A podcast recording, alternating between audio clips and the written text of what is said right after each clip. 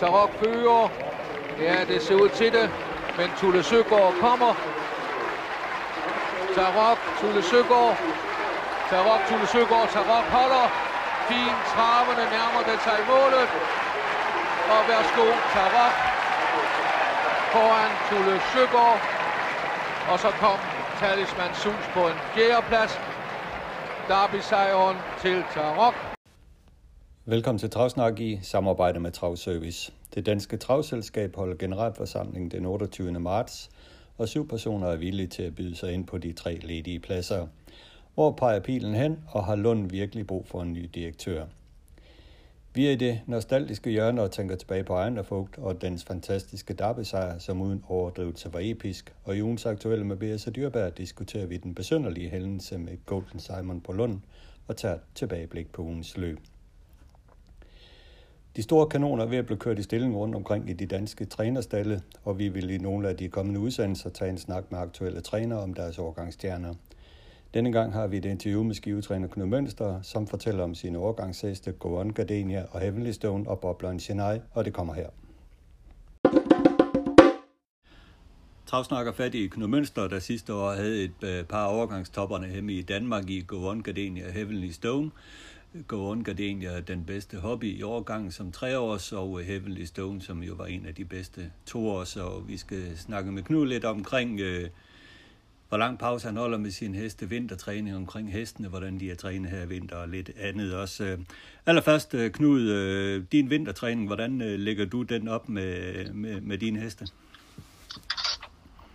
Men det er forskelligt fra, fra heste til heste selvfølgelig. De, øh, til at starte med, med, med Hemmel i...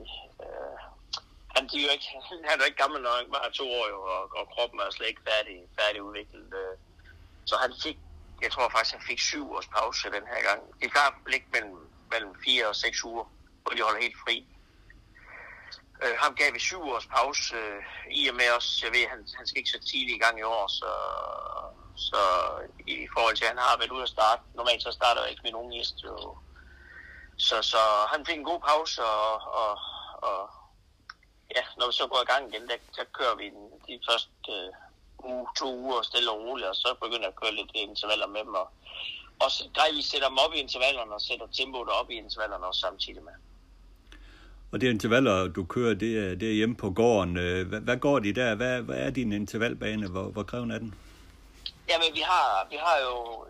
Selve banen rundt er jo 1200 meter, og øh, den ene lang er så ekstra lang, den er 900 meter op ad bakke, og, og så øh, den sige, hvor de går de fleste intervaller på, kører 600 meter også op ad bakke øh, i lidt løs sand efter, efter et sted mellem øh, 50 og 2 minutters tempo. Det passer fint. Jeg ikke pulsmåler på hver gang, men, men øh, jeg kører ret meget med pulsmåler på dem. Øh, for at lige vurdere, hvordan de skal ligge i tempo, for at pulsen passer på, på hesten. Øh, og og det er selvfølgelig ligesom på alle andre baner, at vejrforholdene kan gøre, at banen er mere krævende end nogen dage, og så er det, så er det øh, rigtig fint for mig at pulsmåler på, for at se, at man ikke overanstrenger hesten øh, unødigt, kan man sige.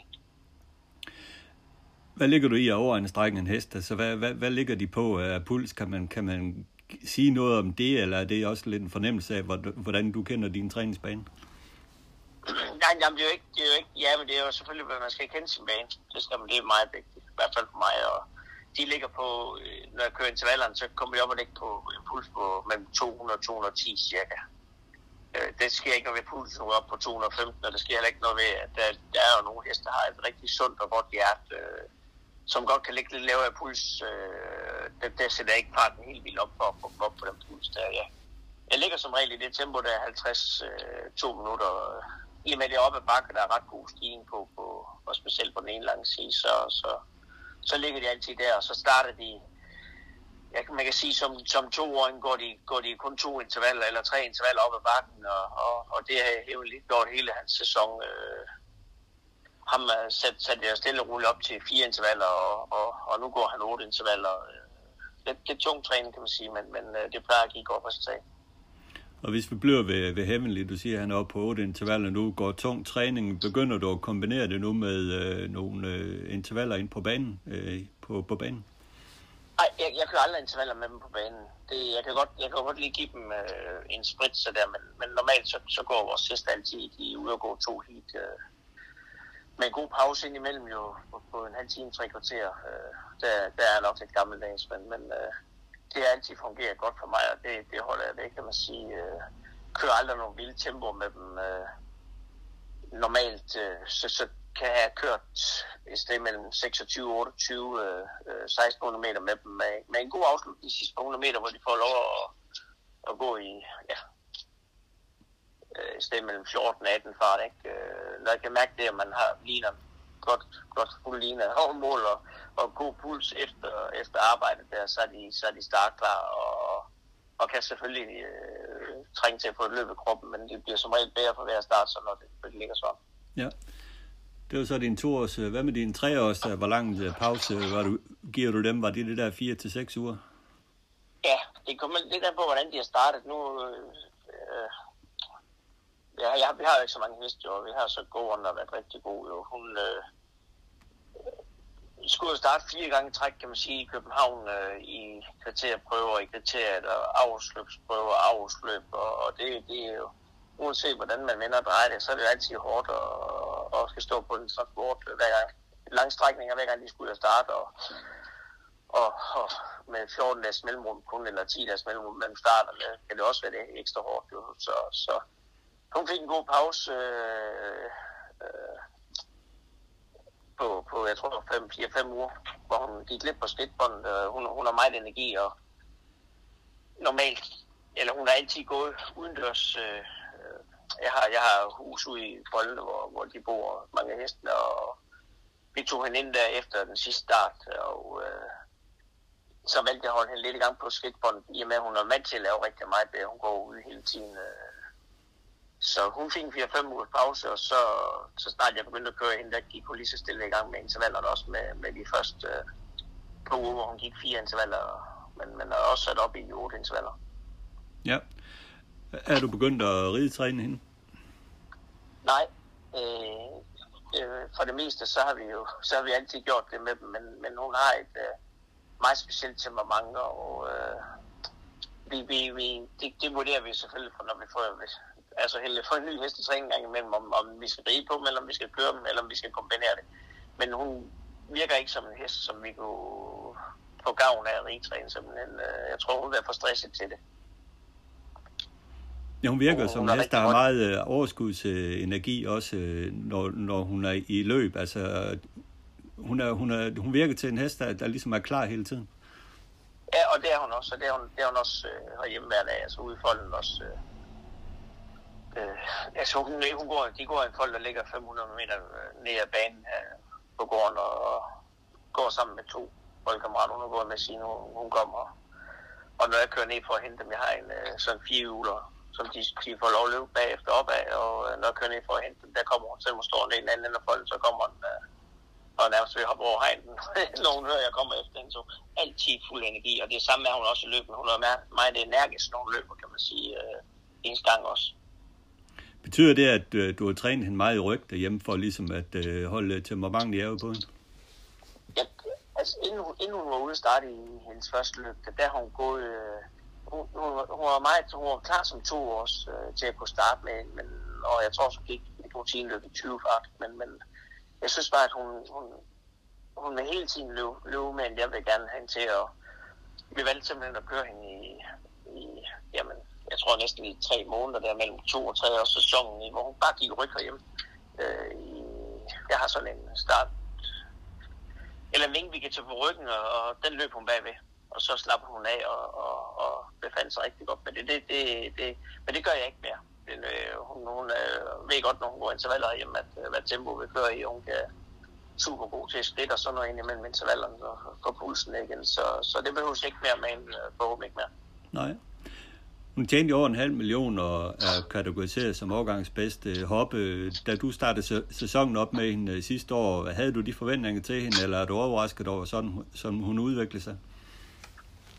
Altså, man, man, man, man ved jo aldrig, inden man starter nogen hest op, om, om det bliver fugl eller fisk. Men vi vidste jo, at hun havde kæmpe talent, og jeg vidste også, at øh, jeg kunne mærke på hende, der findes ikke ret mange heste, der kunne følge med den her 200 meter.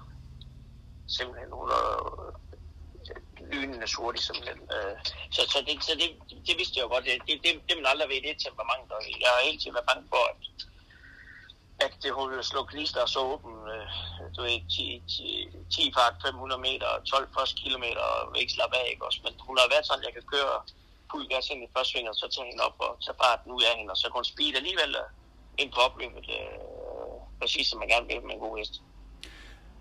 Og du har netop øh, kørt hende ofte i spids, øh, fordi hun er så lynhurtig fra start. Øh, men vil du egentlig lige så gerne køre hende for ryg? Jeg tror, hvis man spørger øh, 100 kuske, så vil alle sammen jo sige, at det, det er nemt at køre løb i spids. Og, og det er det også for mig. Men altså, hun går bestemt lige så fint på ryg af... Øh, øh lige først første start starter havde hun jo ryg, ikke? Øh, et voldstart herude i Skive, jeg kørte, kørte bag Friborg og, og kørte ud et par gange, og, og der lige, øh, når man går lidt ned i, i, i sidste sving, så skiftede hun jo bare ned i 12 tempo på 20 meter og, og vandt. Øh, så, så det, det har hun ingen problem med, men, men, men øh, i og med, at hun er så starthurtig, og når, når, så er det jo altid, i hvert fald for mig, så synes jeg, så, så, så er det jo fint at køre spids. Ja når hun løber, så virker hun vældig ukompliceret i aktionen og går med lang tjekken, der måske en dag i en trend, så så videre. Er der noget, du kan file på? Ja, hun går med en lang tjek. Øh, det, det, hun går med en hovedstang indvendig, og øh, så har hun gået med, med jernsko hele sæsonen. Øh, jeg pillede forskolen af hende to starter, og den ene var i derby weekenden, hvor hun startede fra sport 12, hvor jeg lå øh, ud fjerde spor første sving rundt og kørte frem i tredje spor ned i døden, så trykkede mig til spids med hende øh, og vandt alligevel let. Og, og, og ja, jeg satte jo i med, hun er nummer 12, så tænkte jeg, at i dag vi prøver det i løb. Jeg, man har altid på fornemmelsen, at det ville være fint nok øh, uden sko, så der pillede vi forskoen af hende, og det gik hun også i, i øh, kriteriet hoppeløb der i finalen uden forsko. Men øh, der har hun haft en hårbyld på et bagben og, og lidt små virus i kroppen, så det var ikke, jeg var lidt betænkelig ved det, men jeg valgte alligevel at tage forskoen af hende. Øh, og hun gik også et rigtig fint løb, og blev slået på målfoto, så, så til, til næste sæson, der kan vi pille alle fire skoene af hende, ikke også? Så, og måske give hende en trækøverhed på, eller en norskole, det har vi snakket om, for det er ligesom, når hun, når hun lige har lavet den speed, det speedryg der, så slapper hun af igen, og så er det jo svært at, at bede en gang med, hvis der kommer en, som kan ikke komme over i København med fuld, fuld gas ud i 3-4 sporene. Ja. Så, så der, der er nok, at jeg, jeg kan sagtens køre ind ud af et, øh, vi har haft gummi ud af øret nogle gange, øh, hvor det er gået rigtig fint, så, så, så der, der, der er der altid lidt at slibe på, men altså det, der er vigtigst for mig, det er jo, at, at hendes krop bliver stærkere, at hun kan bære, bære sig selv, øh, øh blive et nummer bære den vej øh, via, via træning og udvikling, og ikke, ikke via udstyr, kan man sige. Ja. Sæsondebuten, hvornår er den planeret? Jamen, bare jeg vidste. men, men det er selvfølgelig noget, både jeg og hesten selv bestemmer, kan man sige, men, men, men hun, hun havde en hård sæson sidste år, hvor hun hendes opstartssæson og starten 11-12 gange, tror jeg, og de sidste, jeg tror, hun var på Lunden fem gange. Og de første to års eller fire års topløb, der kommer det også i København, og jeg, jeg skal nok blive rejser nok med hende, og sæsonen skal også blive lang, så, så jeg er lidt sådan i tvivl om, hvornår jeg skal hen ud, og, og hvor hen jeg skal, skal ud hen. Øh, for, for, får forhåbentlig, håber jeg, en, en god lang sæson, så, så det gælder om ikke at bruge alt krudtet her i starten, men altså hun, hun er, ser så fint ud i træning, øh, ligger på så fin puls, og alt, alt har været perfekt hele vinteren. Øh, så hun kunne i princippet starte i næste uge uden problemer, det er jeg sikker på. Ja. Sidste år der havde hun jo problemer i Aarhus. Øh, hvad, hvad tænker du om øh, Grand Prix i år?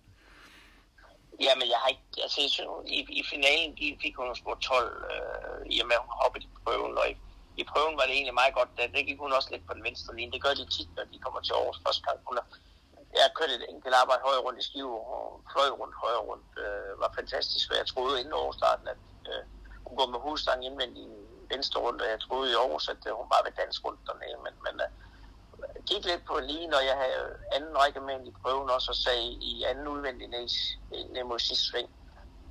Er lidt uheldig, den hest foran mig galopperer, og, og så via hendes øh, ikke så store rutine, da den hoppede, og så med banen der, så, så tog hun lige et spor med den ud, og så hoppede hun også selv. Øh, hun er ellers en rigtig, rigtig stabil hest, og hun gik også en OK, OK finale fra spor 12, hvor hun sluttede godt nok af, øh, men jeg måtte være lidt tidlig med hende ud i 3-4 spor, så, så men øh, hvordan det ser ud med overstarten, det ved jeg ikke, men det, det, det, det tager vi først ind til, når vi når derhen af. Okay. Øh, gården købte du på aktion, øh, jeg tror det var i Aalborg, og øh, lillebroren købte jo sidste år på aktion Eim Gardenia for, var det 100.000 kroner på Derby-aktionen. Hvordan tegner han? Han, han tegner rigtig, rigtig godt. Øh, øh, han er jo helt og, og efter Classic Foto, hun har jo Challenge at går om. Øh, øh, altså, han har jo ikke hendes temperament i hvert fald, ikke endnu. Øh, og jamen, han går, han går intervaller tre dage i ugen øh, op ad bakken her, tre, tre intervaller. Og, ja, det, det ser rigtig, rigtig spændende ud med ham, det gør det. Om han kommer, kommer til start i år, det tør jeg ikke sige, men, men, men øh, det kunne han, det kunne han øh, helt sikkert nemt øh, uden uheld selvfølgelig. Men, men han, han har en fin gang, og han har let med det, og han vil rigtig gerne lave noget, og, og ja, han, han er rigtig langt frem i træningen der, men, men om, om det bliver i år, det, det, det tør jeg ikke sige. Det, det, det, jeg begynder først at, at give dem lidt hurtigt arbejde, når, det, når der bliver godt vejr, kan man sige, eller lidt mere varmt i hvert fald, hvor, hvor så også banerne de har løsnet så lidt. Ja. Tilbage til Heavenly Stone, øh, træner stadigvæk øh, på, jo, øh, tænker du sæsondebut for ham også? Jamen, det har jeg heller ikke rigtig øh, spekulerer på endnu. Vi skal, vi skal ind og give ham et arbejde eller to ind på banen også. Han er lidt, øh, han er ikke sådan en øh, racermodel, som, som hun er. Han er, ikke, han er ikke så stor der, men han er jo en stærk hest, øh, som, som skal have et par hurtige arbejde, inden han skal starte i hvert fald. Øh, øh, men men om, om det bliver måske dagen, eller om det bliver senere eller før det, det har jeg ikke... Øh, men men øh, ja, jeg var lige ved at friste, blive frist det sidste uge, hvor det var det gode vejr, og så kunne jeg køre om der, men øh, jeg tror, jeg venter en par uger nu med, med at give banearbejde, og så ser jeg, hvordan det er med hurtigheden og, og, og det hele, hvordan, hvordan det ser ud. Men, men hans vintertræning har været perfekt, og, og ja, han ligger fantastisk godt i, i puls, og han øh, ligner en, ja, en verdensmester, som han er herhjemme på gården i hvert fald, så, så det bliver spændende. Det gør det i hvert fald. En næste, som også er meget spændende, det er jo en af boblerne i overgangen i Chennai, øh, efter Ripay Masia Sisaviksi, og øh, hun imponerede jo alt og alt her sidst i, i Skive øh, ved hendes eksplosionsagtige afslutning. En øh, spændende hobby hende her, Sinai, øh, og hvor langt er hun efter at gå on Gardena? Jamen, det, det, de går samme træning, og øh, hun har haft lidt, lidt øh, de har lidt temperament begge to, og Sinai har haft lidt med, at hun, hun vil, hendes far havde det også, at han kunne finde på at løbe stald med dem, og han vil ud på banen øh, som ung hest, øh, uanset hvornår det skulle ud næsten. Øh. Hun har lidt det samme der med, at øh, hun kan finde på at selv dreje ud uden gang, uden, uden at øh, jeg er med, kan man sige. Så, så, men hun har, hun har jo en, en, en frygtelig hurtighed også øh, på, det, det så vi sidst, hun startede jo på en 200-300 meter. Og øh, ja, jeg håber da selvfølgelig, at hun kan komme med i de her hoppeløb også sammen med, sammen med Goon. Øh, øh, og det der med, med Sinai, det er lidt det samme. Jeg har kørt et løb uden sko på med hende, øh, med gik, en gumbuts på, og så hang hun igennem, men, men øh, ellers har hun gået med sko på, og hun øh, er helt sikkert kæmpe, kæmpe fordel af fra forskolen af, for hun er lidt fransk på det ene forben, og, og, og hun skal nok blive spændende også forhåbentlig i de her løb her, men hun har, hun har været ude for for at få noget rutine i, i og med, at hun optrådte rigtig meget urutineret sidste år. Er hun meldt i noget? Jamen, hun er meldt i alt. Det, øh, Øh, ja, jeg er så håbløs, så jeg, jeg melder jeg, jeg tror på hestene, så vi melder jo dem alt det, vi kan melde i, og så er jeg nok lidt sent, siger Birgitte, til at få dem slettet nogle gange, hvis ikke det, man vil gerne ud og så være med frem i de årgangsløb der, ikke? Og, og det håber man hele tiden på, men indimellem så er man også nødt til at se, og det går ikke det her, så får dem slettet, for det er, det er en, en dyr, dyr ting at være med i, og, og der er mange forfejs i, til de forskellige løb altid. Ja. Når man ser hende løbe og den der speed, hun har, så kan man jo ikke undgå at sammenligne hende med hendes øh, far Repay Massi, som jo desværre ikke er, er længere, men uh, Repay Massis uh, øh, speed, så vi jo første gang, uh, i hvert fald uh, for mit vedkommende på Oslo, uh, i, i, i Bjerke, i Energimakop, dengang du rundbarberede den med, i et sprinterløb. Og det er jo lidt den samme speed, jeg også ser i, uh, i afkommet her, Chennai. uh, kan man sammenligne det på den måde?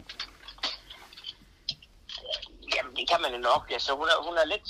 Øh, altså, øh, kropsmæssigt, så ligner, ligner hun hendes far rigtig meget. Øh, øh, og, og han, hun kan også løbe frygtelig hurtigt, 200-300 meter. Øh, men, men, men og sammenligne det, det er svært, for han var, han var frygtelig robust test, jo ikke? Og, og jeg, jeg siger jo altid til de andre, der, jeg, jeg tror ikke, der i hele verden, der var en hest, der kunne løbe lige så hurtigt 200 meter, som han kunne.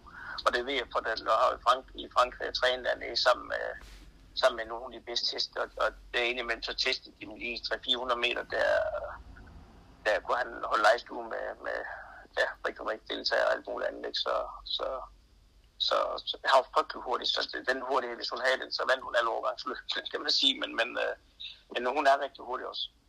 Ja, og øh, der er jo to søskende til den også, blandt andet en Jason Crump og en Kår, øh, så efter alle efter Shiseviksi, så der er jo noget at se frem til der også.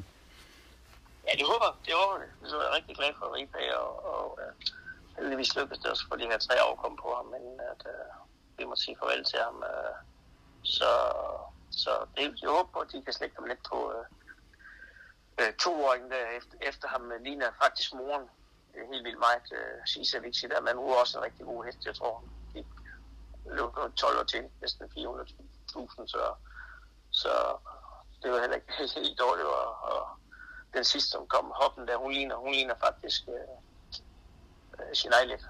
Øh, måske bare lidt større. Okay.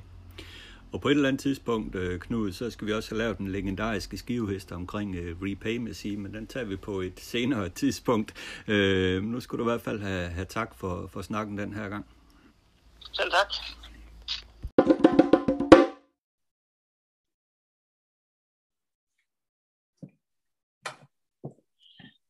Efter denne snak med træner Knud Mønster skal vi videre øh, og tale om øh, et evigt tilbagevendende emne her i Travsnak, Karsten, og det er jo Lund.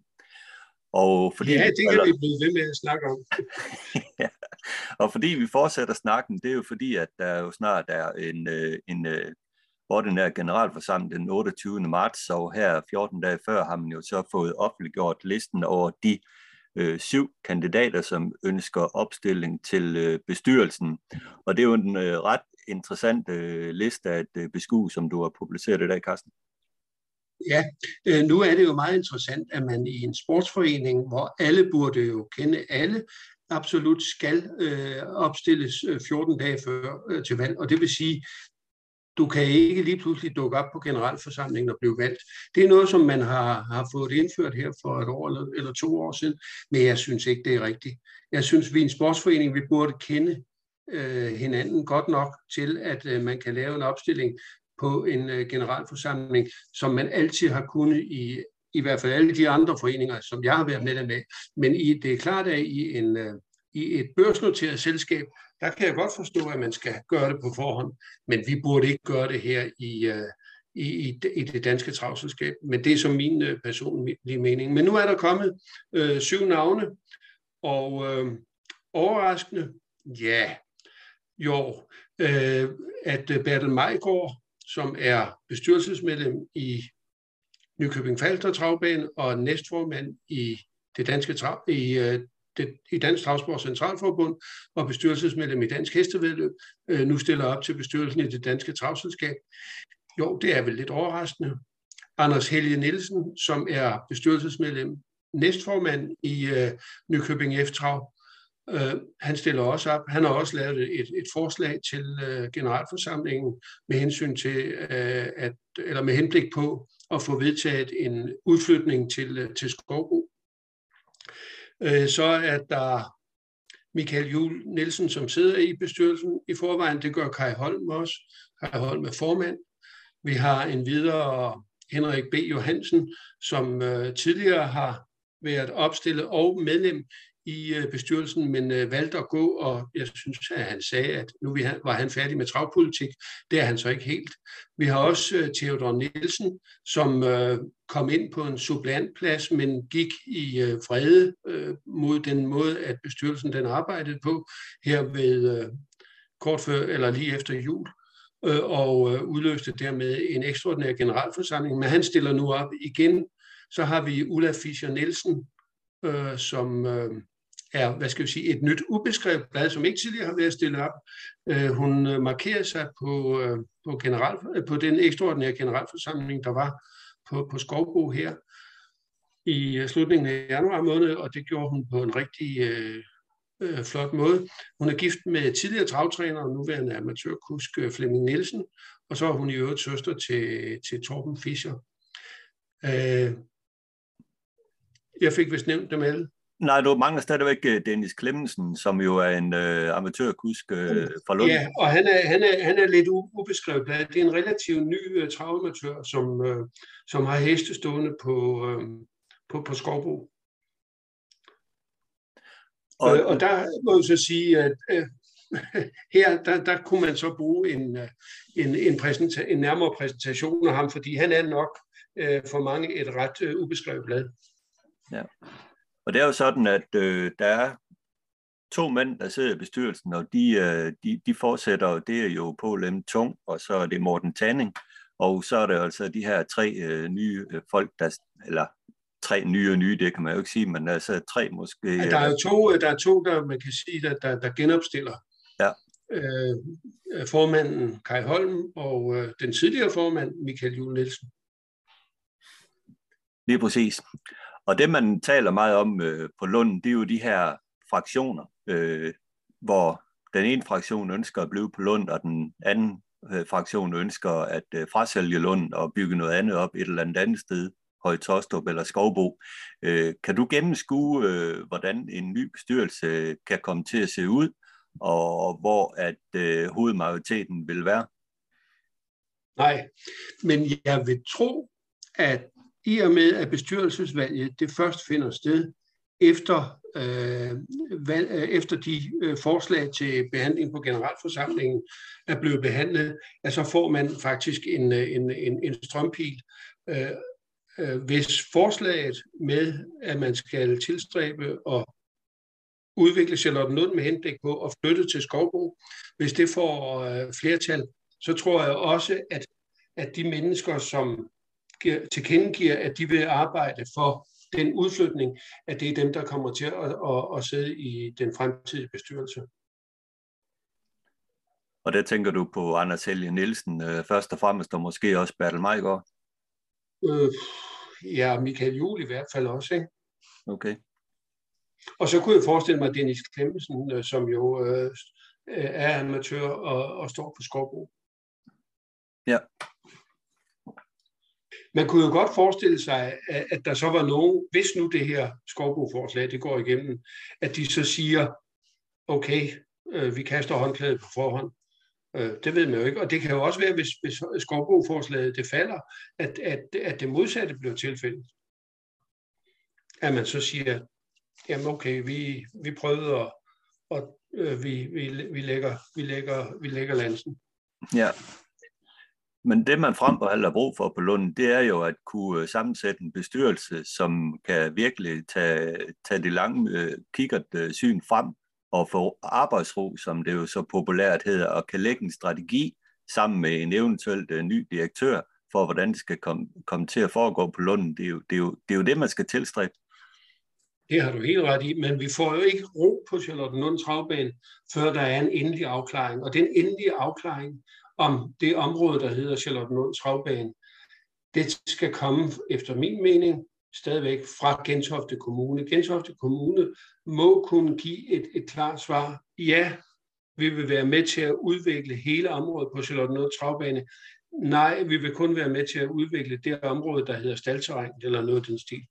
Øhm, således at, at vi har øh, en, en, en klar øh, afgørelse derfra.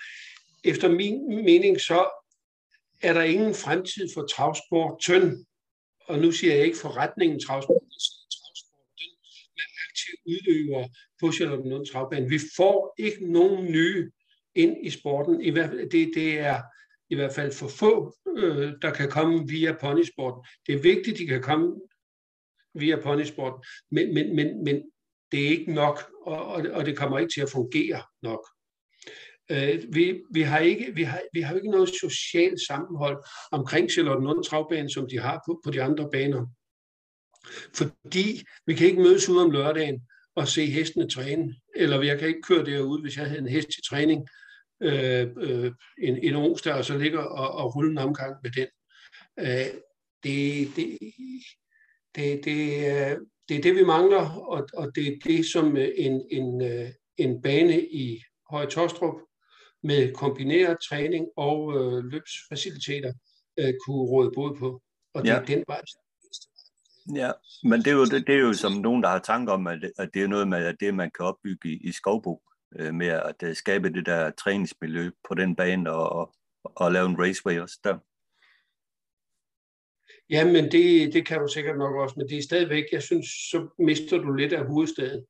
Øh, og, og øh, en ny øh, bane i øh, Højtostrup ville skabe øh, grundlag for øh, en helt anderledes interesse, end hvis vi lige pludselig øh, flytter Charlottenlund ned til, til, til Skovbo. Det vil selvfølgelig øh, vække opmærksomhed og også give noget øget interesse i nærmiljøet, men, men der er ingen tvivl om, at hvis Høje-Tostrup-modellen den stadigvæk kunne leve, så, øh, så vil det være klart at foretrække. Øh, og der er jo nogen, der siger, at Høje Tostrup, det ligger jo langt ude på landet, men det ligger jo ikke meget længere ude, end da man i 1970 stemte i det danske travselskab for at sælge Charlottenlund, for at slå de to travselskaber, Amager Travselskab og, det danske travselskab sammen, for at lave en, en stor ny bane ude i, øh, i Brøndby. Det lå ude på landet dengang. Det øh, gør Høje Tostrup altså ikke. Der ligger en stor jernbanestation lige ved siden af. Der er busser, der er motorvej. Jeg skal komme efter dig. Det vil være fantastisk. Og som Sten Juhl sagde, jeg sætter det før, øh, det er ikke vi gamle, vi skal tænke på. Vi skal tænke på de kommende generationer, som vi skal overlevere travsporten til. Det kan vi ikke gøre på Charlottenlund Travbane. Det, der er kun minder tilbage. I Norge, der er man jo også i gang med en proces. Øh, uh, Leangen, uh, øh, travbane oplevede det, at byen blev øh, bygget rundt om, omkring travbanen, og det betød så, at den blev frasalgt, frasolgt, og så har man i stedet opbygget et nyt øh, kombineret hestesportscenter uden for byen med travbaner og, og plads til andre hestesportsgrene. Øh, Bjerke banen er i gang med en proces, der har man også øh, frasalgt noget af området, og kommunen har kigget på Bjerkebanen, og der har man jo også ja. tanke om at øh, flytte Bjerkebanen ud til et område, som hedder Nannestad, Øh, så i Norge er man jo i gang med, har man øh, fuldført sådan en proces, og man er i gang med at kigge på, på bjerget. Måske skulle man øh, kigge derop efter at få lidt inspiration til, hvad man kunne gøre. Lige nøjagtigt. Øh, fordi man er jo blevet bange på Bjerke. Jeg læste et, et indslag, eller en historie på, på Travgal Opnyt, at øh, hvis man bliver på Bjerke og udvikler øh, de her boliger rundt omkring, så vil det ske det, at øh, der skal være grønne områder, og her der forestiller man sig altså, at vedløbsbanen stadigvæk skal blive det og lave de der omkring 100 løbsdage om året. Men, men de grønne områder skal være der, og det bliver inde på inderkredsen af, af, af, af travbanen. Og, øh, og det vil jo så være, kunne blive svært øh, og, og for folk at forstå, at de ikke kan, kan dyrke øh, der, øh, kan være på de, inde, på de der øh, grønne områder, imens der er vedløb. Så, så der ser man et, et stort problem i det. Solvalder har jo også været på tale med henblik på en, en udflytning. Den er gået sådan lidt i stå, men, men der er der ingen tvivl om, at det kommer der igen. Øh, det er der ingen tvivl om. Galopbanen Tæby, den øh, blev solgt, og, og, og, og man flyttede ud til det, der hedder Bro Park, øh, længere væk fra, fra Stockholm. Så det er jo noget, der ligger i, øh, det er noget, der ligger i kortene med, øh, med vedløbsbanerne rundt omkring. Drammen travbane i Norge, den blev solgt direkte og, øh, og, og, og skal nu bebygges. Pengene har man så overflyttet til, øh, til eller man er så, det selskab, der havde Drammen, er så gået sammen med Jarlsberg øh, om at udvikle Jarlsberg travbane øh, til en kombineret vedløbsbane og øh, hotelkonferencevirksomhed. Ja. Jeg har været en gang på Drammen til Trav. Det var en utrolig smuk bane. 800 meters bane med en rigtig flot øh, øh, baggrund med bjerge i baggrunden osv. En, en skøn bane, men altså, den eksisterer jo altså ikke længere. Nej, men det er jo et meget sjovt navn, Drammen. ja, det kan man sige. Det kan man sige. Men tilbage til, til, til sammensætningen øh, i Lund, der, af de her, der er stillet op. Jeg kan ikke helt befri mig for den her tanke om, øh, at det er to folk, der lige pludselig øh, søger, søger indflydelse i, i Lund. som jeg læser det. Hvordan læser du det? Ja, altså nu skal vi jo ikke glemme, at Anders Helge har jo hest i træning ved, øh, han er jo med på, på Derby-vinderen Festival of Speech, øh, som er i træning ved Sten Juhl. Så, så på den måde har han jo tilknytning til Charlotte Travbanen. Øh, Bertel Majgaard har vel nok også heste i træning øh, på, hos, øh, hos øh, hovedstadstrænere. Øh, og at Bertel blev, øh, blev medlem af bestyrelsen på Nykøbing var vel en måde at, at, at forsøge at komme ind i, uh, i DTC uh, og få noget indflydelse den vej. Uh, det tror jeg sådan set mere, mere falsk, men er han nok ikke. Nej, og hvad med Kai Holm? Han har vel også uh, nogle relationer til Falster? Ja, han har jo startet hest dernede og haft noget samarbejde med amatøren Nikolaj Olsen. Men øh, ellers så er han jo gammel Charlotte Nordmann, øh, og, og øh, familien har jo altid haft hest i træning på Charlottenlund. Ja. En anden ting der er, at her i ugens løb har jeg haft en, en samtale med øh, banens øh, tidligere direktør Christian Sørensen øh, omkring forskellige ting, og hvordan han oplevede det. Han ønsker ikke at være med i en podcast, men ville jo gerne fortælle om, hvordan han, han så situationen. Og, øh, vi skal ikke komme dybere ind i den her samtale her, men jeg synes dog, at han fremhæver en interessant øh, ting, det her med, at han jo som han selv konstaterede, øh, blev den øh, 10. direktør i rækken øh, inden for 13 år, Øh, som enten blev fyret eller selv valgte at gå. Og øh, her har Lund jo et øh, stort problem i det her med at fastholde en direktør, fastholde en kompetent person, der kan være med til at udvikle banen. Og jeg ved ikke rigtig, om øh, Lund efterhånden øh, mere har brug for en, en marketingchef, en, en banechef eller så videre, i forhold til at skal ansætte en direktør. Jeg synes, den der direktørstilling, den virker lidt øh, malplaceret, sådan som tingene udvikler sig, når nu bestyrelsen vil have så stor indflydelse på, øh, hvordan den daglige gang skal være. Ja. Øh, ja, øh, han er nummer 10 inden for 13 år. Jeg tror, hvis vi øh, lige kigger tilbage til øh, efter øh, Karl Andersen, frem til Karl Andersen stoppede i 1986 eller 87, der havde der kun været fire Øh, nu er det generalsekretær til at begynde med, og så blev det direktør med Karl Andersen. Men der havde kun været fire siden 1891 og frem til slutningen af 80'erne. Og så har der altså nok været over 20 direktører. Og det har jo altså været skiftende bestyrelser også. Det har bare været svært at finde til synligheden den mand, der havde den rigtige støbning. Plus, at det har været, der har været store udfordringer med at få Charlotte Travbane til at, at køre rundt øh, økonomisk. Det er jo en stor koloss. Det er det koster mange penge at, at vedligeholde øh, og, øh, og, og også at renovere. Altså det er ikke nok med bare øh, at gå og pynte lidt. Der, der, der, skal, der, skal, der skal til mange, meget mere til. Ja. Men der er jo to ting i det her, Carsten. Det er jo, den ene ting, det er jo, at øh, økonomisk er Lund skidt stillet. De, der, der er et stort gæld og så videre på forskellige områder. Nej, øh, det er op, op, op, op. Ja, ja, men altså... Øh, så skylder 7 millioner væk. Ja. Men forstår mig ret, der, er jo, der, der, er jo nogle, der er jo stadigvæk, man arbejder ret kortsigtet med, at man, man skal sælge skilte, man skal skaffe, sælge nogle billetter til folk og så videre.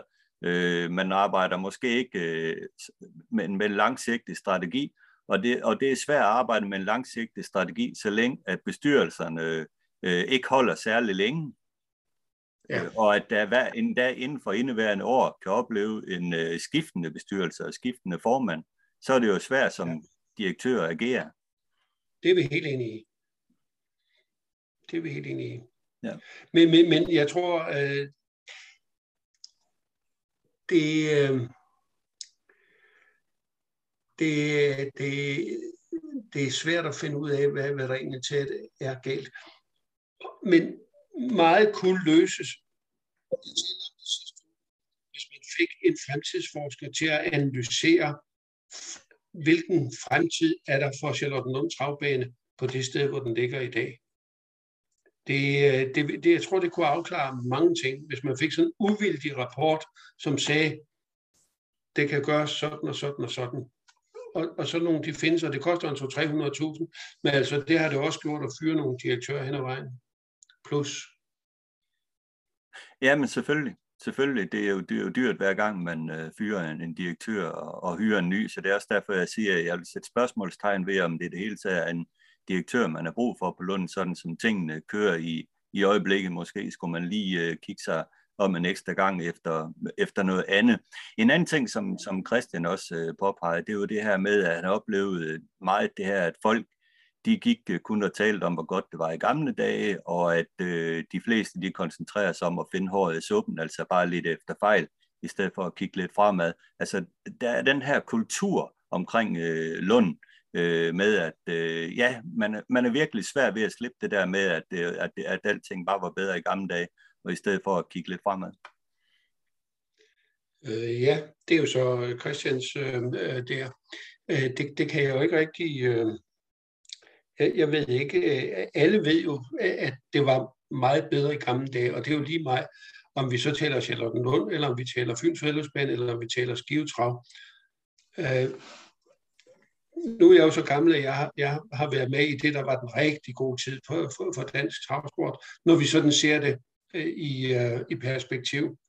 Men der var der også problemer øh, tidligere, øh, hvor, og hvor vi andre vi gik og, og hørte på de gamle, der sagde, jamen dengang, der var det meget bedre. Ikke? Øh, så, så hver tid har jo sin charme og, og, øh, og sine øh, økonomiske problemer. Øh, og vi er jo på vej ud i store økonomiske problemer inden for dansk transport, hvis ikke vi finder ud af at, at skabe nogle alternative indtægter. For, for en ting, der jo er sikkert, det er jo, at den aftale, der er med staten, den begynder at udfases fra næste år. Og de penge, som vi kan få fra øh, Sverige, det er 3,3 øh, procent af det overskud, som ATG afleverer til svensk transport, og i år der vil det svare til, at vi skulle få 40 millioner. Øh, så øh, der er nogle ender, der, der efterhånden kan blive svært at, at få til at, at hænge sammen, hvis ikke vi får skabt nogle alternative indtægter. Ja, det er i hvert fald en 100% kendskærning. Men jeg kom lige lidt væk fra, fra, fra Charlottenlund og, og det, som du lærer op til. Men, men øh, øh, det er klart, der er altid nogen, der vil, der vil, der vil sige, jamen, sådan gjorde vi det, og sådan havde vi det, og det var godt, og det kan blive svært at, at komme væk fra det. Og det er vel også derfor, at der er nogen, der hænger fast i, at vi skal blive på Charlottenlund travbanen, fordi der er så mange minder. Øh, det er et centralt sted, men, øh, men, men vi må jo erkende, at tiden at løbe fra det. Der er jo også noget andet noget, det er, at øh, nu har man lavet vejen bagom Charlottenlund, øh, den store tribune, Travbanevej, den er jo lavet til en to i en vej. Det vil altså sige, at man kun, at, at øh, i princippet kan man kun køre den ene vej. Og, øh, og i det hele taget er det jo svært for de store hesttransporter at komme ind til Charlottenlund Travbane af, af de villaveje, som, som øh, man skal igennem fra motorvejen. Så øh, udviklingen har Charlotte Charlottenlund Travbanes beliggenhed, det må man sige. Ja. Carsten, vi lader Lund øh, ligge for den her gang med bare at konstatere, at øh, vi ser frem til øh, generalforsamlingen den 28. og ser, hvordan bestyrelsens sammensætning bliver til den tid, og vi når at der givetvis også at snakke om det næste gang, næste fredag i Travsnak.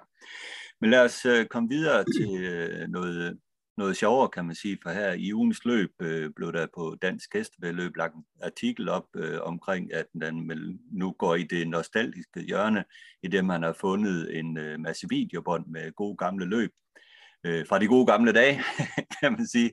Og et af de løb, det var jo med øh, Ejnerfogt, da den vandt Derby i 1982 med Vajo Heiskanen i Solgid, et øh, løb, som man har lagt ud på YouTube, og jeg må sige, at øh, øh, jeg blev øh, overordentligt glad, da jeg genså det løb igen, fordi øh, det er jo et løb, jeg har tænkt tilbage på rigtig mange gange, som et af de, øh, de flotteste derbys, der har været kørt, og at øh, kunne se det igen øh, på, på, på video var en kæmpe oplevelse for mig. Hvad gik der igennem øh, dit øh, hoved, da du så løbet igen? Jamen, øh, jeg tænkte jo, øh, altså for mig har det, den præstation, som øh, Ejner lavet, har jo været noget af det største, som øh, jeg faktisk har set nogensinde.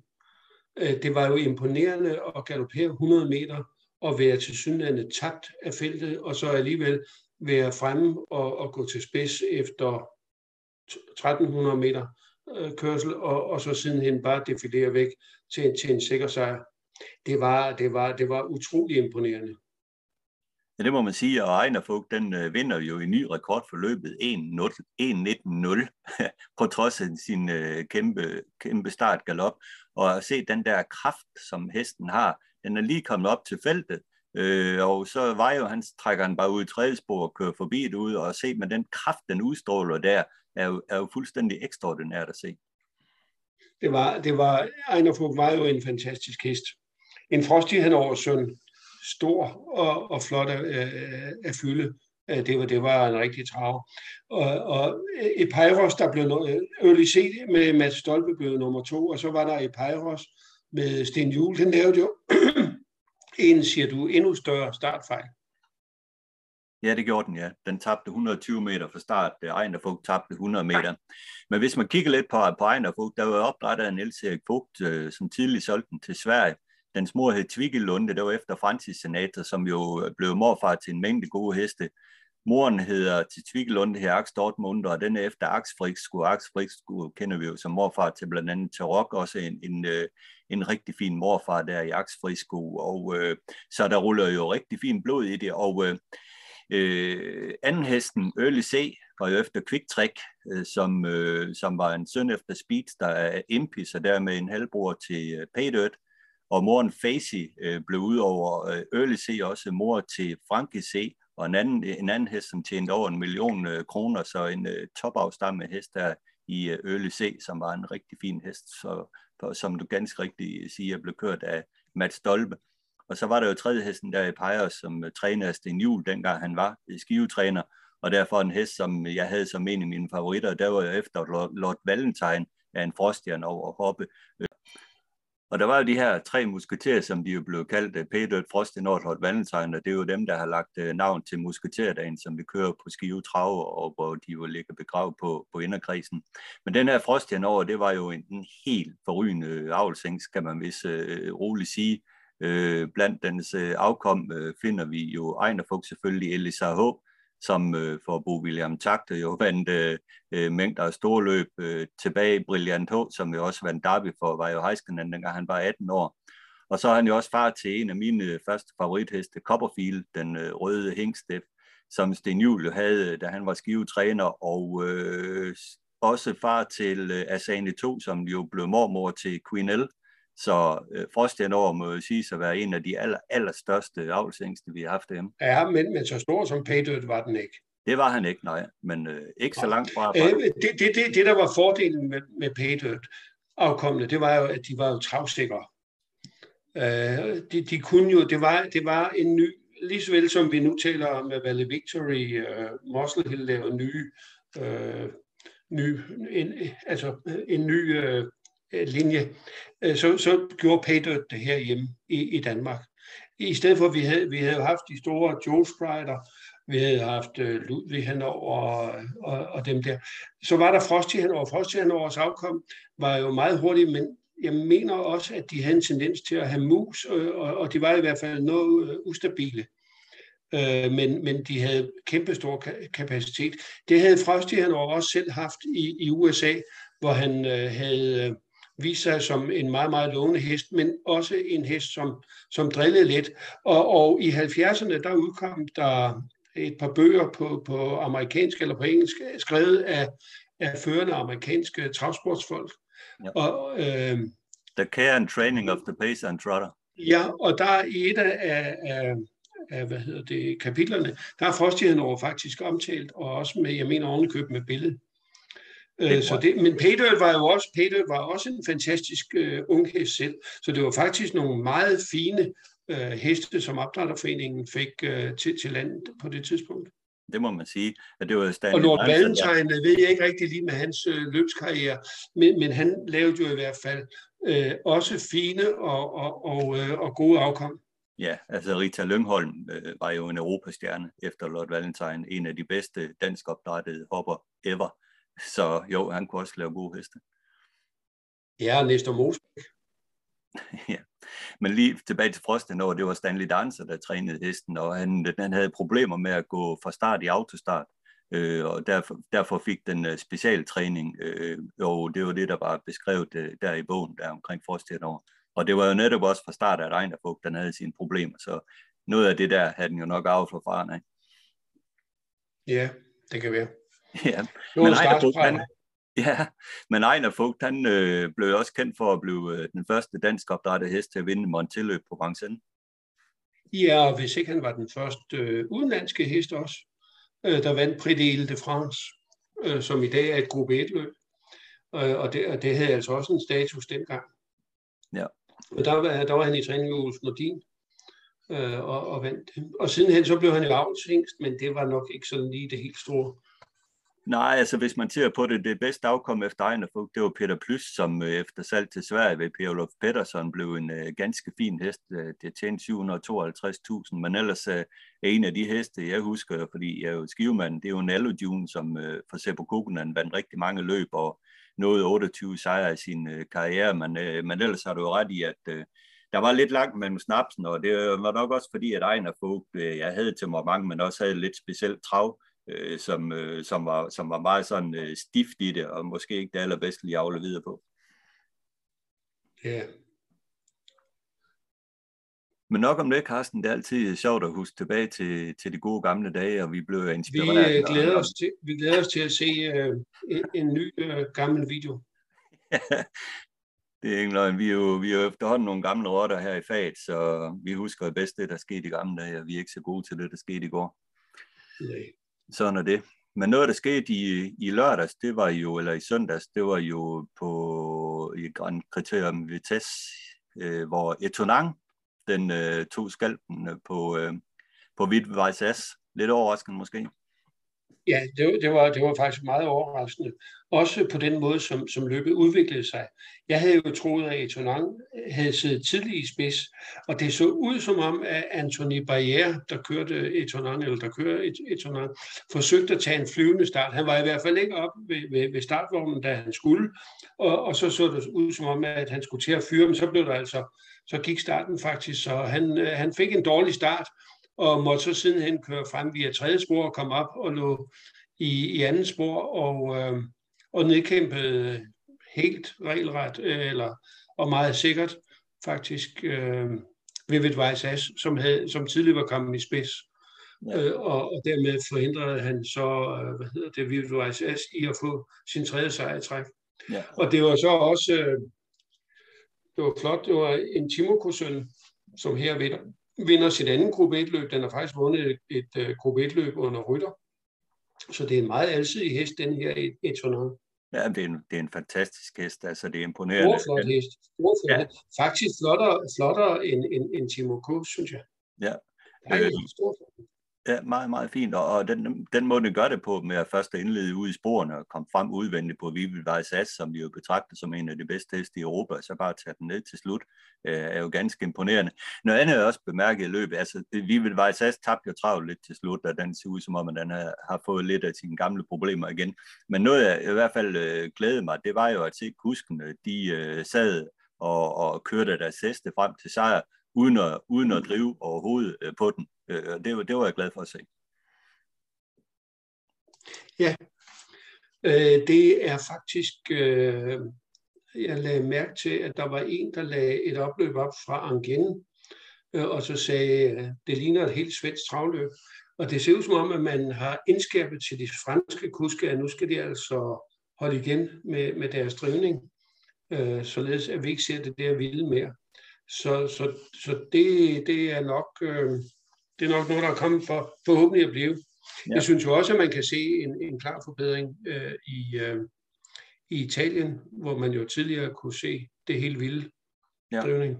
Ja, men ellers tager jeg også øh, med mig forløbet, at øh, at øh, der var ingen af de der to heste, hverken Etonang eller Vibet Bajsas, der fik øh, lyserøde kuverter efter løbet. Øh, af Anders Malmrod i stedet har han øh, haft øh, fokus på USA, hvor han har forsøgt at indbyde Juju Bee, årets treåring i USA, til eliteloppe, men øh, kredsen bag de, de heste har i hvert fald takket nej i år.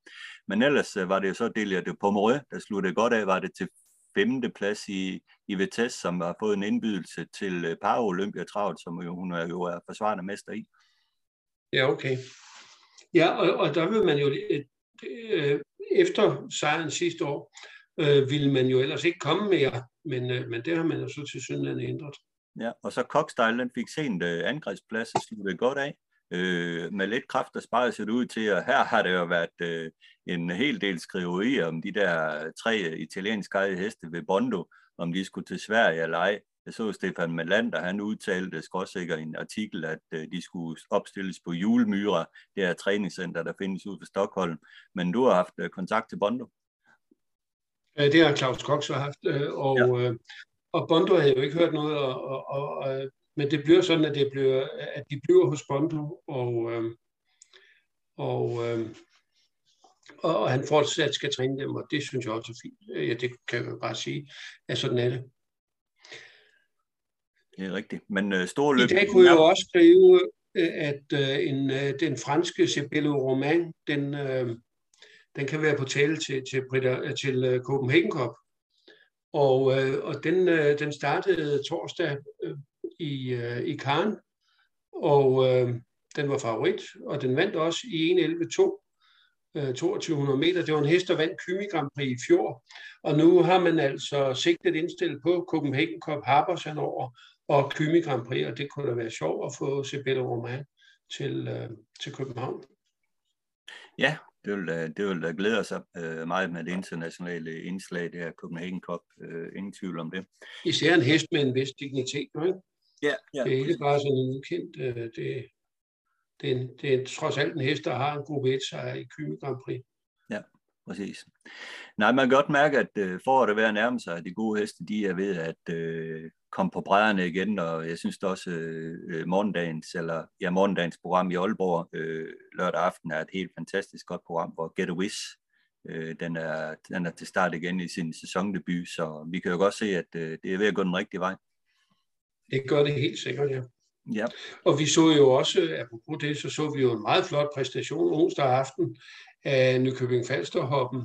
Excuse Me med Henrik Thomsen, der fra dødens øh, dundrede rundt og trak fra til klar sejr i 1.11.5, 1640 meter på, øh, på Ro. Det var imponerende. Ja, og Taikon Conway Hall, der blev den hurtigste øh, 12-åring i Europa med tiden. Øh, ja, nogensinde. nogensinde. Så jo, jo, vi kan ja, godt. Hvem, hvem, skulle lige have, hvem skulle lige have troet det? Og det er jo imponerende, at Flemming Jensen har kunne holde den sådan øh, i orden øh, og, og på toppen øh, stadigvæk. Øh, men det er jo ikke den første 12-åring, han har, har succes med. Ja, nej, det kan man sige, at øh, det er ligesom om, at heste i hans træning, de bliver bedre, jo ældre de bliver. Så ja. ja. Jeg ved ikke, om vi er blevet bedre med alderen, Carsten. Det er tvivlsomt. men det kan vi jo lade lytterne om at øh, bestemme. Men nu har vi i hvert fald uh, talt os uh, færdige i den her travsnak, og uh, nu får jeg så et uh, afsnit af ugens aktuelle med BS og Dyrbær. Tak for, for snakken lidt, Carsten. Ja, selv tak.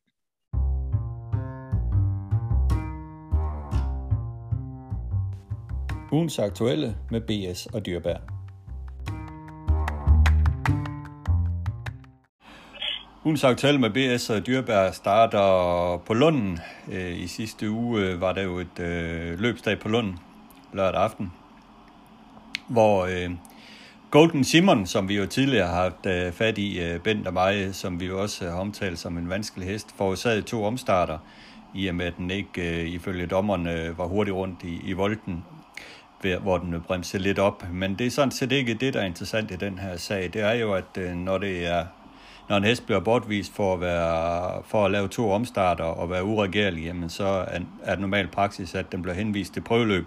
Nu står der ikke noget i paragraf, paragraferne om, at en hest partout skal henvises til prøveløb, men det, der var øh, interessant i den her sag, det var jo, at i en artikel i Travservice, der udtaler Kim Kapling, at øh, man var blevet enig med træneren om, at den blev ikke henvist til prøveløb, fordi at man øh, lovede, at øh, den aldrig skulle starte mere i voldelig start. Og i mine ører, Bent, øh, der lyder det øh, fuldstændig vanvittigt, at man kan lave sådan en deal. Hvad synes du?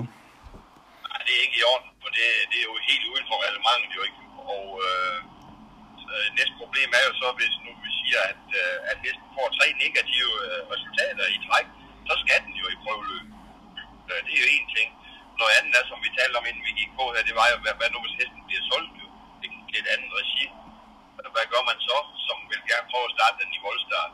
Det er der nogle andre, der er låsen aldrig skal med, den, den her, den holder jo slet ikke. Jo. Det, er jo, øh, det er jo sådan noget halv-halv, at man måske fortryder, man fik den bortvist, og så kan man komme med til det her, men det er jo ikke noget, der hedder. Øh, reglerne er jo nogle gange sådan, at hesten bliver bortvist fra start på grund af uregerlighed.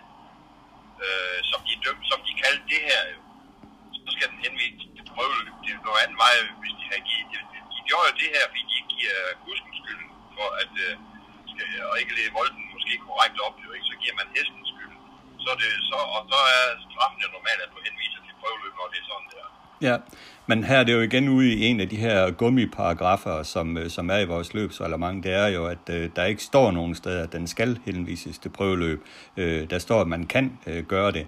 Og øh, her man så valgt at tolke det sådan, at i og med jo altså Bio, han ikke øh, fik nogen bøder eller noget som helst for at forårsage den her omstart, og man det hele man, man pålagde al skylden på hesten, jamen så laver man den her deal og man den ikke skulle i voldelig start. Og, og jeg synes jo bare, at øh, går man hen ad den vej, så åbner man op for alle mulige mærkelige andre ting øh, også. Så hvad så næste gang det sker? Hvad så? Hvad for en søforklaring skal man så ud i for at undgå prøveløb?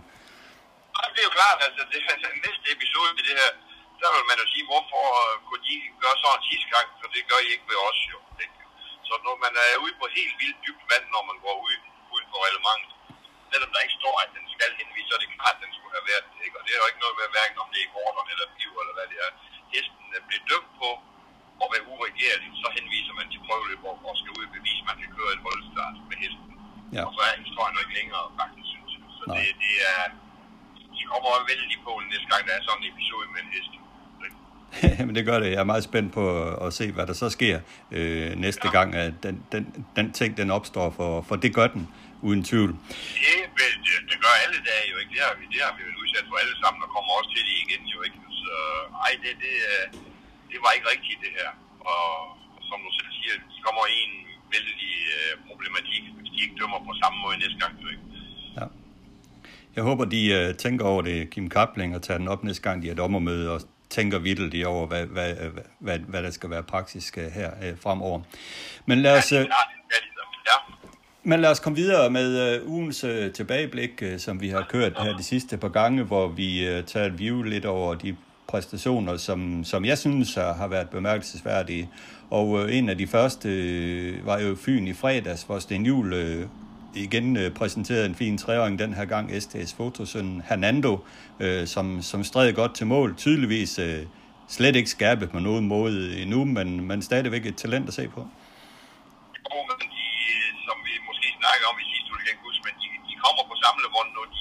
klar efterhånden. Øh, temperaturen er altså, steget 10 grader, ikke? Øh, både heste og mennesker blomster op og får lyst til det hele, så vi, vi får rigtig mange fine heste at se fremover nu. Det, det vælter med heste alle steder. Øh, jeg ved, der er totalt fyldt op hjemme ved også på Skivetrav, der står over 100 heste i træning inde på banen, ikke? og det har jeg også hørt, der gør.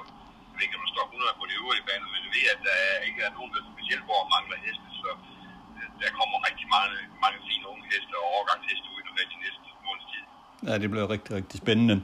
Øh, så var der jo inde i mine mine mode, der endnu en gang bekræftet, at hun er den bedste hoppe herhjemme lige pt. Øh, Comet Boom Bay. Jeg kan ikke huske, om hun før er gået lukket hovedlag, men øh, hun havde i hvert fald lukket hovedlag på, og hun tog et gevaldigt hårdt tag om bid, og Shuna, han var jo chanceløs. Ja, det, det blev jo forkert for, for at de satte på det den her gang. Altså, som du selv siger, jeg er heller ikke helt sikker på, om den går med det hver gang, men den, brugte alle kræfterne forkert i hvert fald, ikke? og øh, så har man jo ikke noget at skyde med, når, når der stødes bagfra, så det bliver nok ændret til næste start. Men Ine Mine Meinemo var igen overbevisende og vandt jo i hånden for Flemming. Ja, det ligger op, det er der ingen tvivl om. Hun øh, ligner vores allerbedste ældre om op. Det, hun er nok den bedste ældre i hvert fald. Jo, ikke? Der bliver vel ikke modstand før jeg tager en af mine hopper ud. ja, den måtte komme. den der, den måtte komme. Kom, ja. øh, en hest, jeg også lige vil øh, tage frem, det er Søren Johansson, som jeg synes har fundet en rigtig fin hest i Mia Allegretto. Det var en hest, som jeg bemærkede som to års i skive for Martin Andreasen, var ude nogle prøve rutineløb, fremvisningsløb, hvor jeg synes, den så rigtig fin ud. Så blev der stille om hesten, og så dukkede den op over ved Søren, og nu har han vundet på løb med den. Jeg ved ikke, om du har dannet der en indtryk, og den her Mia Allegretto går stadigvæk med, med, med fast øre og så videre, men en fin type. Nå, jeg synes, det er en rigtig model. Øh, Langbenet og har godt temperament, ser det ud til. at fremfalde, at det er alle de på Søren, som ikke har så mange heste længere i træning, ikke? Øh, og så har, så vidt jeg orienterer, så er det en anden parts hest også, så det, det er helt rigtigt, der sker her, at der er succes med sådan en, men den, den ligner en, der rummer en del udvikling. Det gør den i hvert fald, og efter Kanepa han over en øh, ny Musselhill hengst i avlen, som jeg mener står i Sverige øh, lige nu. Lørdag... øh, den har faktisk gjort det godt, Kanepa han over der, med de få afkom, den har. Det er nok et opsvær at kigge lidt på det. Ja, afgjort, det har jeg også bemærket. Lørdag øh, går vi videre til, til Åby, hvor Tycoon Conway Hall vandt i tiden 10-0 for Flemming Jensen. Øh, en voldsom formforandring øh, for den der hest, øh, kan vi vist roligt sige, i forhold til, at den øh, tabte i skive til Karne Sensei, men øh, nu var den der. Ja, men det, det, det er jo helt uhørt, ikke, at det kan lade sig gøre med en hest på den alder, som man synes, der løber i sit efterår, at den lige pludselig løfter sig til at være øh, den allerbedste i svensk gulddivision, det er det er jo ikke der er troet på, det er hverken spillere, tror jeg, eller træner eller ejer. Altså, øh, de er jo selvfølgelig op for at tjene gode penge, for de har ikke andre steder at starte den, øh, og det er der, den hører hjemme jo ikke. Men, men det der, det var, det var vildt, synes jeg. Jeg havde glæden af selv at køre den for nogle starter siden, eller jeg kørte den i hvert fald fra Flemming en dag nede i Bilund, på en eller anden, jeg tror det var på Grand Circle i hvor jeg fik lov at køre den i hurtigt løb. Lækker og lækker hest at sidde bagved, men ikke vel lidt som den nogle gange også skal være jo ikke, og det synes ikke, lige var den moral, der skulle være i den jo vel, men øh, det skal jeg love for, der var tilbage den her gang. Det var det i hvert fald, og så bemærker man jo også, at Flemming han drev urelamenteret. Han fik 3.000 i bøde for drivning for at give den en med pisken, og så øh, hæve øh, pisken også lidt højt i luften. Og øh, efter relevanten, så var det jo en bøde, han skulle have. Ja, jeg synes, han skulle have haft 3.000 konduite, hvor han endelig vågnet op og kørt lidt opløb med en hest. Nej, gas til gas til sige, det, det er jo jeg ved ikke, om du har hørt en, uh, en interview, jeg har lavet med Rabia i den her uge. Ikke? Uh, vi snakker lidt drivning. Ikke? De, de har taget overhånd i, uh, i den negative retning med, med alle de bøder og, og, og hvad her, advarsler, vi får efterhånden for, for noget drivning, som ikke har noget som helst med drivning at gøre længere. Ikke? Det, det, det, det bliver sådan, at man næsten ikke har lyst til at, at køre mere. Det skal jeg jo ikke sige, for det har vi jo. Ikke? Men at vi skal se så passivt øh, efterhånden, og vi kan jo ikke slå en ulig blød hat, rent udsagt, med noget, der skader hesten, når vi ikke rigtig bruger fisken i hvert fald. Men, Nej. Altså, det, det, det, jeg synes, de har taget totalt overhånd, og så, så bruger man hele tiden den med, at dyreværens folk sidder og kigger på det, og hvad ved jeg, men det, altså, som jeg siger til dig, hvis vi nu, øh, mange af os kører med omvendt piskefront, vi, vi vil ikke have de der bøder, men så kan vi da godt måske sætte boksen hest, eller have linerne ned om bagenden af hesten ikke, øh, for at animere den rent ud sagt, men det er jo ikke noget, der overhovedet kan skade en hest. Nej. Så det, det er lidt sygt, det der. Jeg, jeg, det er også noget, jeg synes, dommerne skulle tage op på deres øh, nordiske dommermøder, om ikke lige skal løsne lidt på de der regler igen. Det er ikke så spændende at se et opløb længere, jo vel, og øh, det, bliver jo endnu værre, når vi kommer frem til storløbet nu, hvor der er nogle af de her kuske, øh, der simpelthen nægter at komme til Sverige og køre, øh, eller i Danmark for den sags skyld de vil ikke, øh, de kan ikke køre sådan jo vel. Og så skal man, man over sige, de skal ikke lov til at, at rent sagt tæske en hest jo, men det er, det er, det er bare lige pludselig en modsatte retning, vi må intet gøre vel jo. Det er med som korrigeringsmiddel, pisken, hvis hesten skulle blive dum jo ikke. Altså det, ej, det, jeg, jeg synes, det er taget over forkert måde. Ja. Det er i hvert fald også noget, vi, vi kommer til at følge op på, det der er ingen uh, tvivl om. Men jeg synes også, det er lidt interessant med, den, med Flemmings heste, ligesom det her Tycoon Conway Hall, den er 12 år. Ja, det er jo ikke den første hest i hans træning, der, der bare bliver bedre med, med alderen og, og, og holder i mange år. Hvad tror du er forklaring på det? Jamen, det er der ingen tvivl om, at det er, det, det, det er Flemmings træning, den måde, han træner på. Det er med hans træning, at, at det overhovedet ikke belaster hesten, så de bliver slidt på nogen måde, og han har fundet den vise sten inden for det der, vi andre har jeg snakket om før, vi rider også på dem, men øh, han har simpelthen fundet ud af lige nøjagtigt, hvad man gør, så man ikke skader hesten, og hvad man gør for at forbedre den. Og det er øh, jo, øh, jamen det er hans niche, det der med, med, ældre heste, der har givet op andre steder, at dem rejser han på den måde her. Det er bare til 18. Ja. Der er, ingen, der, der er ingen, der har kunne kopiere ham endnu. Men ellers øh, lørdag aften på Lunden, øh, Gita Nørby gør, gør jo god reklame for, for sporten i og med, skuespilleren Gita Nørby øh, gerne stiller op på Lunden og gør reklame for det hele. Åh, men det, er- og det er jo fremragende, det der. Det er lige nøjagtigt sådan noget, vi skal have for at få, forhåbentlig få nogle nye interessenter ind i sporten og, og hestejere. jo ikke? Og der er jo folk på Lund, der er rigtig gode til det der, synes jeg, at promovere det der. Og det er vel altså hatten af for en mand som Carsten Bundgaard også, uden jeg ved, hvor meget han har med det at gøre, så ligger han i hvert fald en masse reklame i, at, øh, at uh, Gita Nørby stiller op på den to og fire ben. Og, uh, det har jo givet vældig god respons indtil videre. Jo. Så, uh, så hesten er blevet så god, den kan vinde løb også. Uh, ej, det, det skal vi bare simpelthen bare have noget mere af. Jeg håber, at den nye skivehest bliver noget lignende, der kan gå ud og vinde noget løb, så vi får nogle nye mennesker ud. Ja, absolut. En, Jeppe Juhl, han er jo god til at trylle ungheste frem, og Hertz, en svensk øh, registreret hest, så vidt jeg lige husker, øh, gik jo rigtig godt og, og viste sig at være et åbenlyst talent. Ja, så godt ud igen. Han, han kommer med fin hest, øh, Jeppe der, ikke? Men øh, vi må også have den af for hans fars øh, avlsarbejde. Det er ham, der har lavet de fleste af dem, altså opdrettet dem, ikke? Øh, har nogle blodlinjer, der virkelig fungerer næsten uanset hvad, hvad hængster, der hopper på dem, ikke? Så han er god til at i hvert fald krydse dem sådan. Det, det bliver mere en brugbar heste, synes jeg ikke. Det har han haft i mange år, Niels Juhl, og det er ligesom at hans fortjeneste, at, øh, at Jeppe skal ud og komme med de fine heste der. Ja. I Skive øh, skal vi lige forbi en øh, genganger. Øh, El Capitan var muligt endnu bedre i Skiven, den var i Aalborg. Lejede sig til sejr på, på tiden 14-0. Ja, den er snød mig i hvert fald. Jeg, jeg kørte jo Gnax i samme løb, og jeg troede på den efter, jeg sad fast senest i Aalborg, og tænkte, jeg går ud med en kilometer igen. Den må komme tilbage, El Capitan. Så, så øgede han farten, så øh, mistede Gnax lysten blandt andet, og alle de andre også jo ikke. Og det, det er en fremragende hest, men nej, hvor har den et, et hårdt temperament, kunne man se inden tiden. det er det. Den er ikke helt øh, nem, den der, men... Den, Øh, den, den, den, den virker lidt, lidt overspændende, synes jeg, som hvad den kan finde på der. Ikke? Men når den første er i gang, er der jo ingen problemer vel, og det er jo... Ah, det er en lækker hest at skue, ikke? Men Ja. det er jo en af mange af Maharati afkom, der er fantastiske, ikke? Det er jo øh, en af... Det er ikke nogen coming out for han har jo mange afkom allerede, men det er jo en af de bedste afthængs i nyere tid, Maharati. Altså. ja. Men den hest, der nok øh, imponerede mig allermest, det var Chennai, Knud Mønster Chennai. Dens eksplosionsagtige speed, som den leverede her, det er sjældent, man ser det, at en øh, ung fireårs oppe kan accelerere på den måde. Ja, det er helt vildt, den der, som den kan fra, fra 0 til 100, som det hedder, ikke? På, på, på få sekunder. Så det bliver spændende at se, hvem der skal køre Go On Gardenia i år, for jeg tænker, at Knud han selv vil ud med sin egen. Jamen, jeg tror, det giver sig selv, fordi han er jo medejer af Go Gardenia, så den kommer han til at køre. Ja, det var, det var mest for at gas også.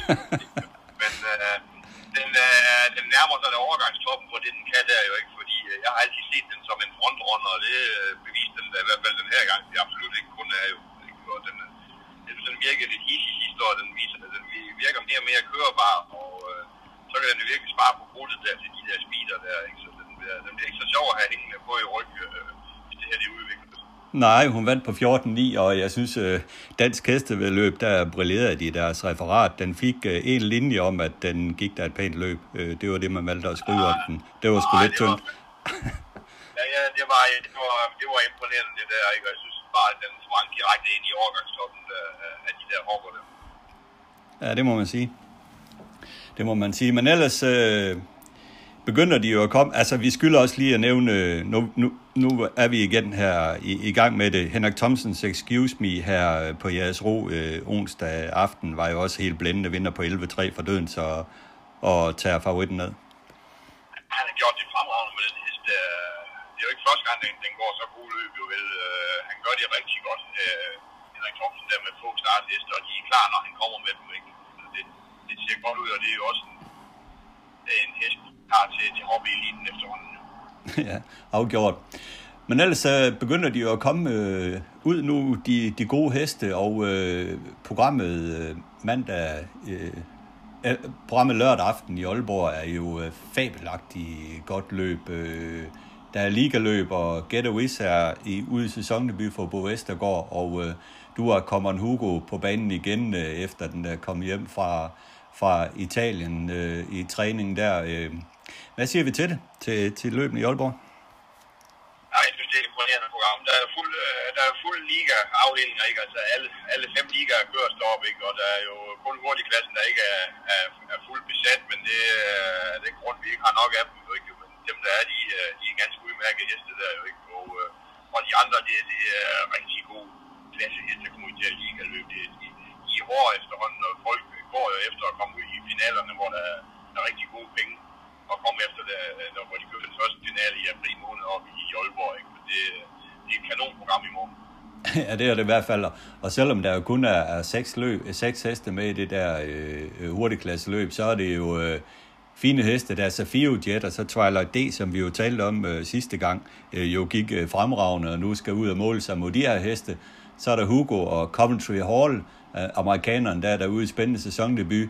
Der er Red Bar og Bandit Brick med, med Flemming øh, selv. Altså, der er jo selv, selv kun med seks heste på linje, der er der jo nok at tale om der allerede. Jo, jeg tror, det bliver et eller andet øh, rigtig godt seværdigt løb. Ikke? Øh, Tre-fire stykker af dem er utrolig starthurtige, ikke? og vil køre efter positionen, når det er 1600 meter, og komme til inderbanen, eller i, for den sags skyld i spids, jo, ikke? Og øh, jeg tror, der bliver toptempo på det løb. at de har vist form, øh, flere af dem. øh, og som sagt, så har vi fået Command Hugo hjem. Han ser glimrende ud, øh, kom hjem i rigtig god skik og sådan noget. Men hvor den er hen, ved jeg ikke rigtig i løbsammenhæng. Jo. Den har jo ikke øh, haft en stor succes i, i Frankrig. øh, det bliver mest kaldt op, jo, men jeg tror, det bliver roligt på, på mig skiftende kuske, øh, skorstreger rytter dernede. Så det system, de har dernede, der slet altså ikke passer ham jo, for han virker noget i ganske god balance. Ikke? Men i dagsform har jeg svært ved at vurdere. Han har gået et par intervaller, som han skal. Nu, vi skal ud af ham i gang, det er det, vi har ham til, og han, det er forhåbentlig et godt tilskud til hurtig klasse. Ja, absolut. Det bliver i hvert fald rigtig spændende at følge. Bent, du er på vej til Aarhus og har forhåbentlig en god dag dernede. Tak for snakken i dag. Det er godt, selv tak. Tak fordi du tog dig tid til at lytte til Travsnak i samarbejde med Travservice. Har du input, idéer, kritik, ros, ja hvad som helst til podcasten, så giv mig en mail på adressen henrikdyrberg